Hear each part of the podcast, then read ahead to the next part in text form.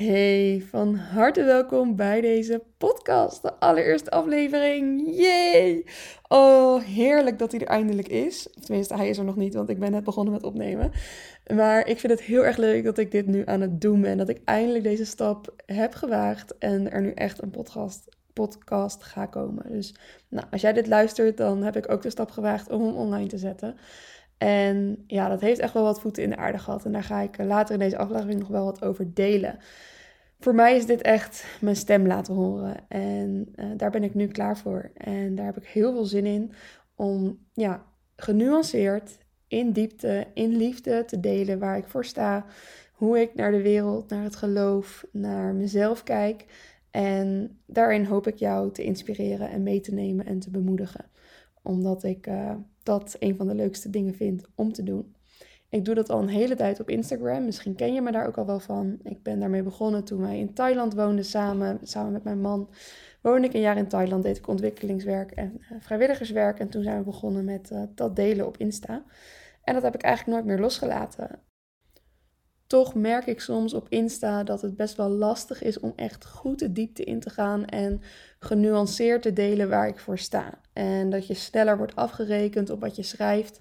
En dat er in een podcast iets meer ruimte is om het dialoog aan te gaan. Dus de voor's en tegens te belichten, nuances aan te brengen, uh, meer voorbeelden nog te geven. En ja, daar verlang ik heel erg naar, want ik ben niet zo zwart-wit in hoe ik denk. Uh, ik weet heel goed waar ik voor sta en um, hoe ik naar de wereld kijk en wat ik wil brengen. En tegelijkertijd ben ik daar heel genuanceerd in en vind ik het ook mooi om daar het gesprek over aan te gaan. Dus ik hoop dat in deze podcast ook te doen. Het gesprek in mezelf en met mezelf.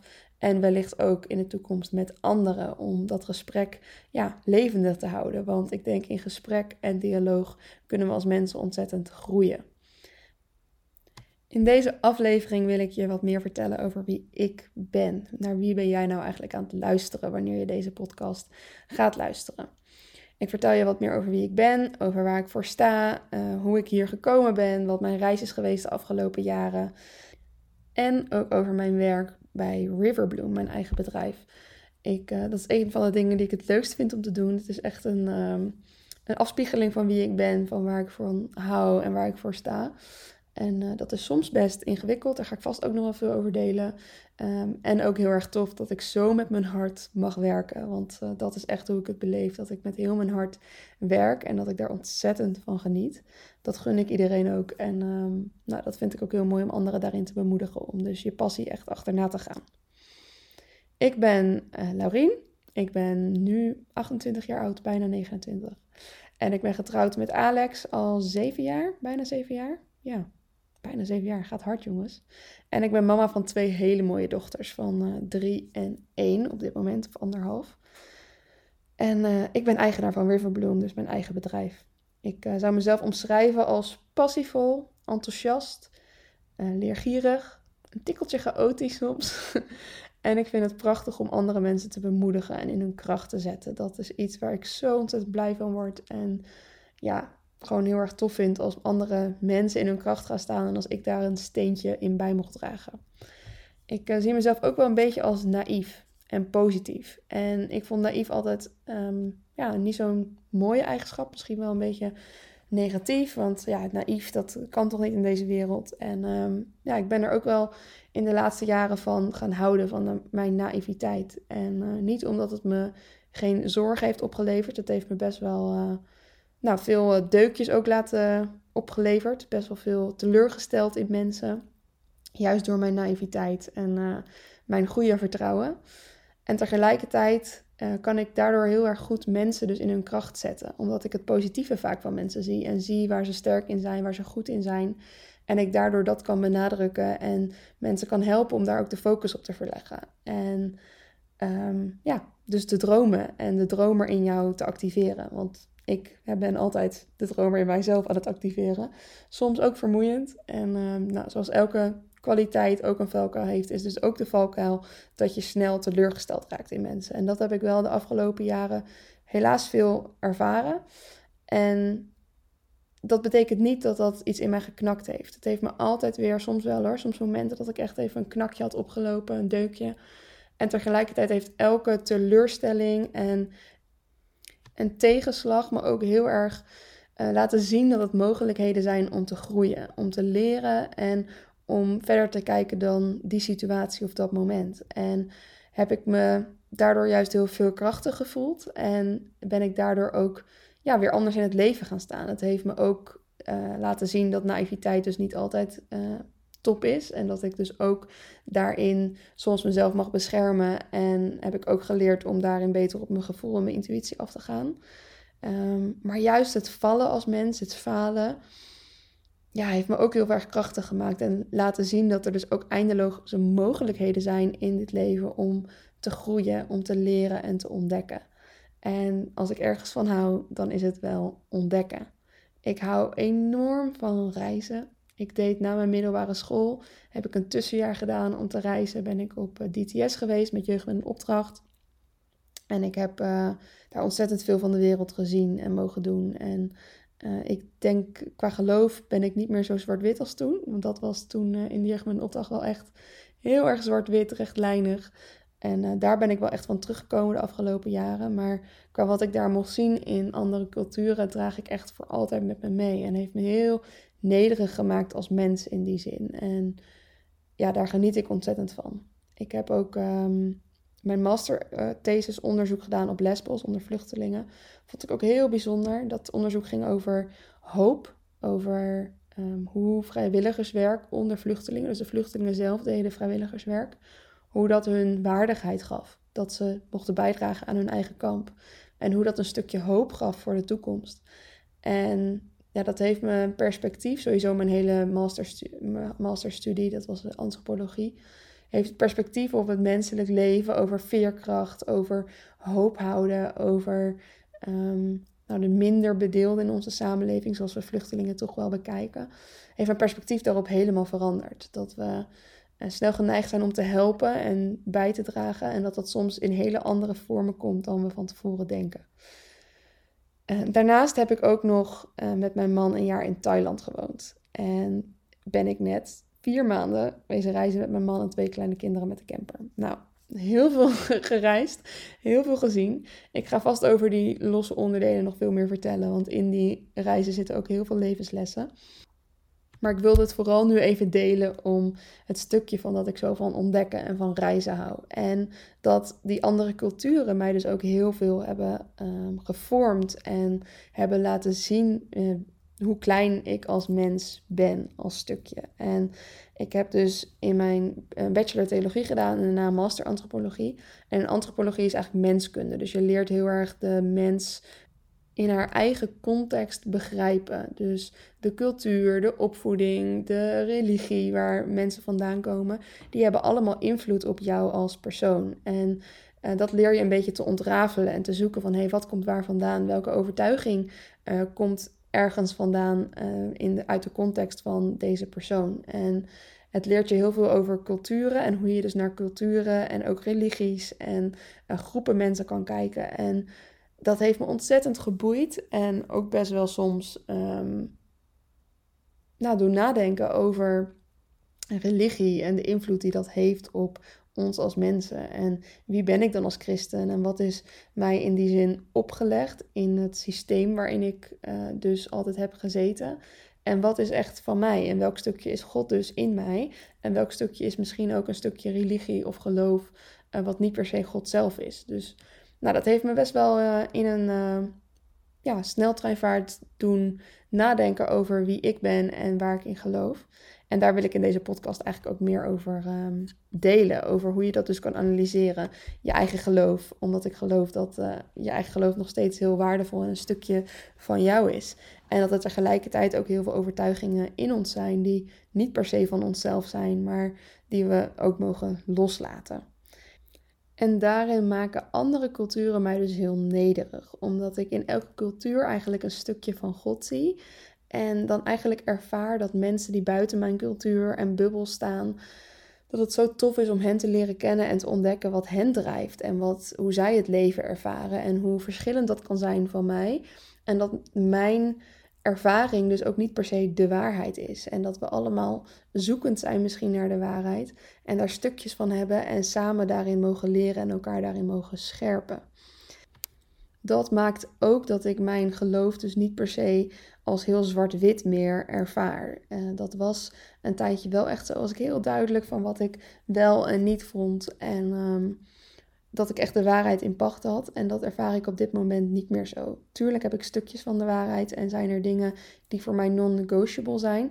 En tegelijkertijd zijn daar omheen, omheen die waarden, vraagtekens soms. Dat ik denk, nou, misschien weet ik het niet. Misschien kom ik er wel nooit achter. Of ja, daar zou ik nog eens meer onderzoek naar moeten doen. Of um, ja, daar, daar vind ik allebei wat voor te zeggen voor twee kanten. En voel ik daar in mijn geloof heel veel ruimte op dit moment. Dat het oké is om dat allemaal niet te weten. En dat is soms best een zoektocht geweest. En in die zoektocht uh, wil ik hier ook heel graag delen om nou, te, jou misschien wel te helpen om dat niet weten ook meer te omarmen. Omdat ik best wel veel christenen zie die struggelen daarmee. Die het gevoel hebben dat ze alles moeten weten. Ik denk dat we ook heel erg zo opgevoed zijn. Um, dat het geloof een zeker weten is. En, en dat we ook overal antwoord op moeten hebben. En ik denk niet dat dat per se het doel van ons mens zijn. En ook niet het doel van Jezus volgen is om overal een antwoord op te hebben. En dat we daar wat meer van mogen afstappen en mogen zeggen van nou, hier weten we het misschien niet of hier verschillen we van mening over en we zullen het zien als we ooit bij God in de hemel zijn. En dat is eigenlijk wat ik heel erg met Riverbloom wil uitdragen. Ik wil jou helpen om te ontdekken, hey, wat is dat stukje God in jou en welke overtuigingen mag je misschien loslaten? Uh, wat mag je hervormen? Wat mag je uh, nog weer opnieuw bij God brengen? Wat mag je ja, nog meer in groeien? Uh, en tegelijkertijd oké te zijn met het niet weten en dat ook in jezelf te omarmen. En wat ik heel veel zie in de christelijke traditie is dat het best wel hoofdelijk is. Hier in het Westen zijn we best wel uh, sinds de verlichting heel erg gaan focussen op het hoofdelijke van geloven. Ehm, de Bijbel, sola scriptura, het woord, dat we moeten bestuderen en dan kom je dichter bij God. En ik zeg niet dat dat niet waar is, maar ik zie wel dat we ehm, daar een stukje lichaam en beleving en mystiek misschien wel zijn verloren. Wat in de vroeg-christelijke traditie veel meer tot uiting kwam. De uh, mysticiteit van God, het mysterie, dat God een mysterie is. En ook het lichaam, het lichaam betrekken in je geloofspraktijk. En dat is wat ik met Riverbloom ook doe. Ik doe veel met beweging, veel met um, meditatie, met creativiteit, met belichaming. Zodat je ook echt gaat voelen wie God is voor jou, uh, wat genade is. Um, dat je innig en diep geliefd bent. Ik zie best wel veel christenen die wel geloven dat God van hun houdt allerlei verhalen uit de Bijbel kunnen vertellen of leerstellingen kunnen reproduceren die zij geleerd hebben in de kerk. Maar als je vraagt van voel je je geliefd? Voel je je diep en innig geliefd door Jezus, door God? In jou? Voel je dat de Heilige Geest door jou werkt, dat hij in jou woont? Dan zie ik best wel geregeld twijfel of het niet weten of tranen omdat ze niet weten of het wel voor hen is. En dat doet me best wel verdriet, omdat ik juist zo geloof dat we het mogen voelen en ervaren. En dat wanneer wij het voelen en ervaren, je met gezakte schouders, met ontspanning, met vuur kan gaan delen. Want het begint uiteindelijk bij het zelf voelen en ervaren en dat je ook van daaruit dan kan gaan uitdelen. En als je pijn en twijfel en afwijzing ervaart, is dat gewoon veel moeilijker om het echt uit te stralen dan als je je diep innig geliefd weet. En dat is dus ook mijn missie met Riverbloom. Om jou te laten voelen en te laten ervaren dat je zo ontzettend geliefd bent. En dat dat de basis mag zijn van jouw identiteit. Van wie jij bent in jezelf, in Christus. En dat je vanuit daar mag gaan leven in volle vrijheid en mag zoeken. Ik denk dat het leven altijd een zoekproces blijft. En dat we het niet uh, allemaal hoeven weten, maar dat we lekker mogen leren, mogen ontdekken en van daaruit mogen groeien.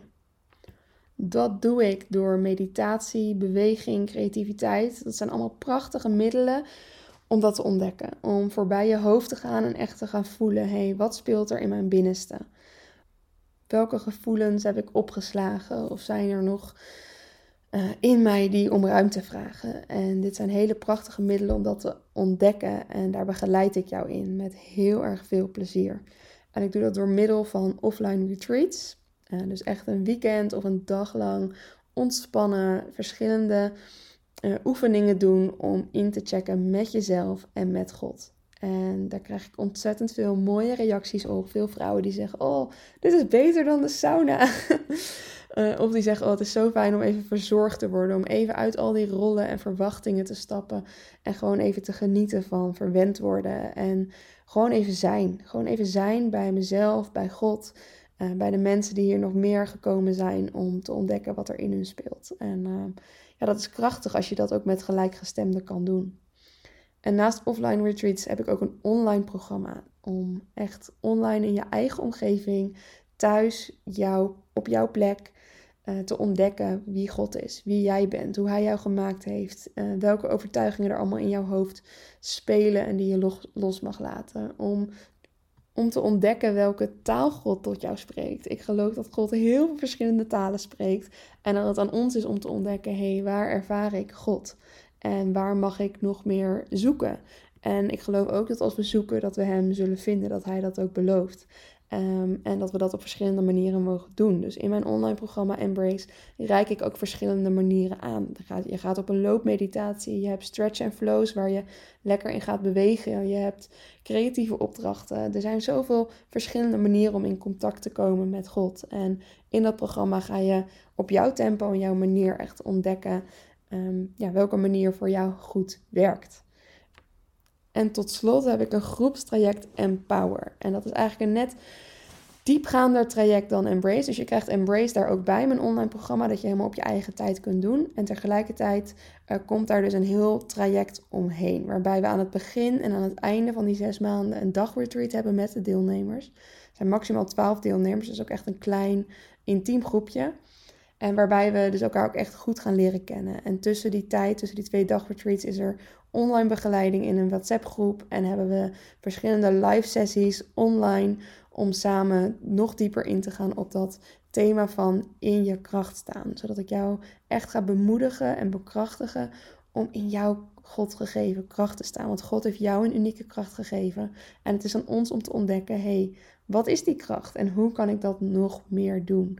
En aan de hand van de oefeningen, het lichaamswerk wat we doen, de meditaties, uh, gaan we daar nog verder op in. En dat vind ik het mooie van mijn werk, dat het dus heel holistisch is. We gaan echt met lichaam, ziel en geest aan de slag omdat je dan ook echt de integratie hebt. Dan blijft het niet zomaar zweven in je hoofd, maar dan ga je ook voelen: hé, hey, hoe voelt deze les voor mijn lichaam? Waar zijn er misschien nog blokkades? Waar mag ik nog, nog meer voelen? Waar mag ik nog meer doorheen stappen, misschien soms wel? En dat is wat het lichaam doet. Het lichaam slaat echt dingen op en we mogen daar nog wat meer bewust van worden. Nou, lijkt een van deze programma's jou interessant? Denk je, oh, dat klinkt tof? Check dan even mijn website riverbloom.nl en je mag me ook altijd een berichtje of een eh, mailtje sturen. Dan komen we aan het eind van deze podcast. En waarom is dan deze podcast ontstaan? Nou, echt omdat ik al zei in het begin, ik wil mijn stem laten horen. Mijn stem over geloofstwijfel. Ik heb soms best wel getwijfeld over dingen. En ik vind daar soms best wel weinig ruimte in in de kerk om je daarover uit te spreken. En wat doe je dan als je twijfelt en mag dat er zijn? Ook over nieuwe vormen van geloven. hey, hoe geloven we nu en uh, wat is de toekomst van de kerk daarin? Over Bijbels vrouw zijn. Een, een onderwerp wat me heel erg uh, interesseert op dit moment. Van, uh, nou, hoe ben je geschapen als vrouw? En hoe geef je dat vorm? Ja, ik ga er nog meer woorden aan geven later in een uitgebreidere aflevering. Um, maar bijbels vrouw zijn, een vrouw naar Gods hart, is ook wel wat, wat speelt bij mensen. Uh, ik spreek best wel vrouwen in een leidinggevende posities of die ondernemen en die ambities hebben en tegelijkertijd voelen, mag dit wel? Kan dit wel? Um, is dit wel bijbels? Nou, ik heb daar een heel duidelijk antwoord op. ik geloof dat dat helemaal bijbels is en dat dat helemaal mag en helemaal kan. En uh, daar wil ik heel graag over delen en daar ook mijn stem over laten horen. Ik zou mezelf en deze podcast omschrijven als kritisch, liefdevol en open. Ik sta altijd open voor gesprek, dus voel je vrij om mij ook een berichtje te sturen. Ook als je een, nieuw, een onderwerp heel graag uh, wil bespreken of denkt van, oh Laurin, ik wil jouw mening daarover horen. Jouw visie als theoloog en antropoloog. Um, ja, laat het me vooral weten, vind ik super leuk. En ik sta ook open om over dingen in gesprek te gaan. Um, dus um, ja, voel je altijd vrij om een berichtje te sturen. Ik hoop dat je een beetje een beeld hebt van wie ik ben, van deze podcast en wat je kan verwachten. En ik eh, kijk uit naar de volgende afleveringen. Super leuk dat je deze helemaal hebt afgeluisterd. Super thanks. En eh, leuk als je hem ook wilt delen met uh, mensen om je heen. of je mij wil laten weten wat je ervan vond. Dat vind ik sowieso super leuk om te horen. Hey, veel liefs en tot de volgende aflevering. Doeg doeg!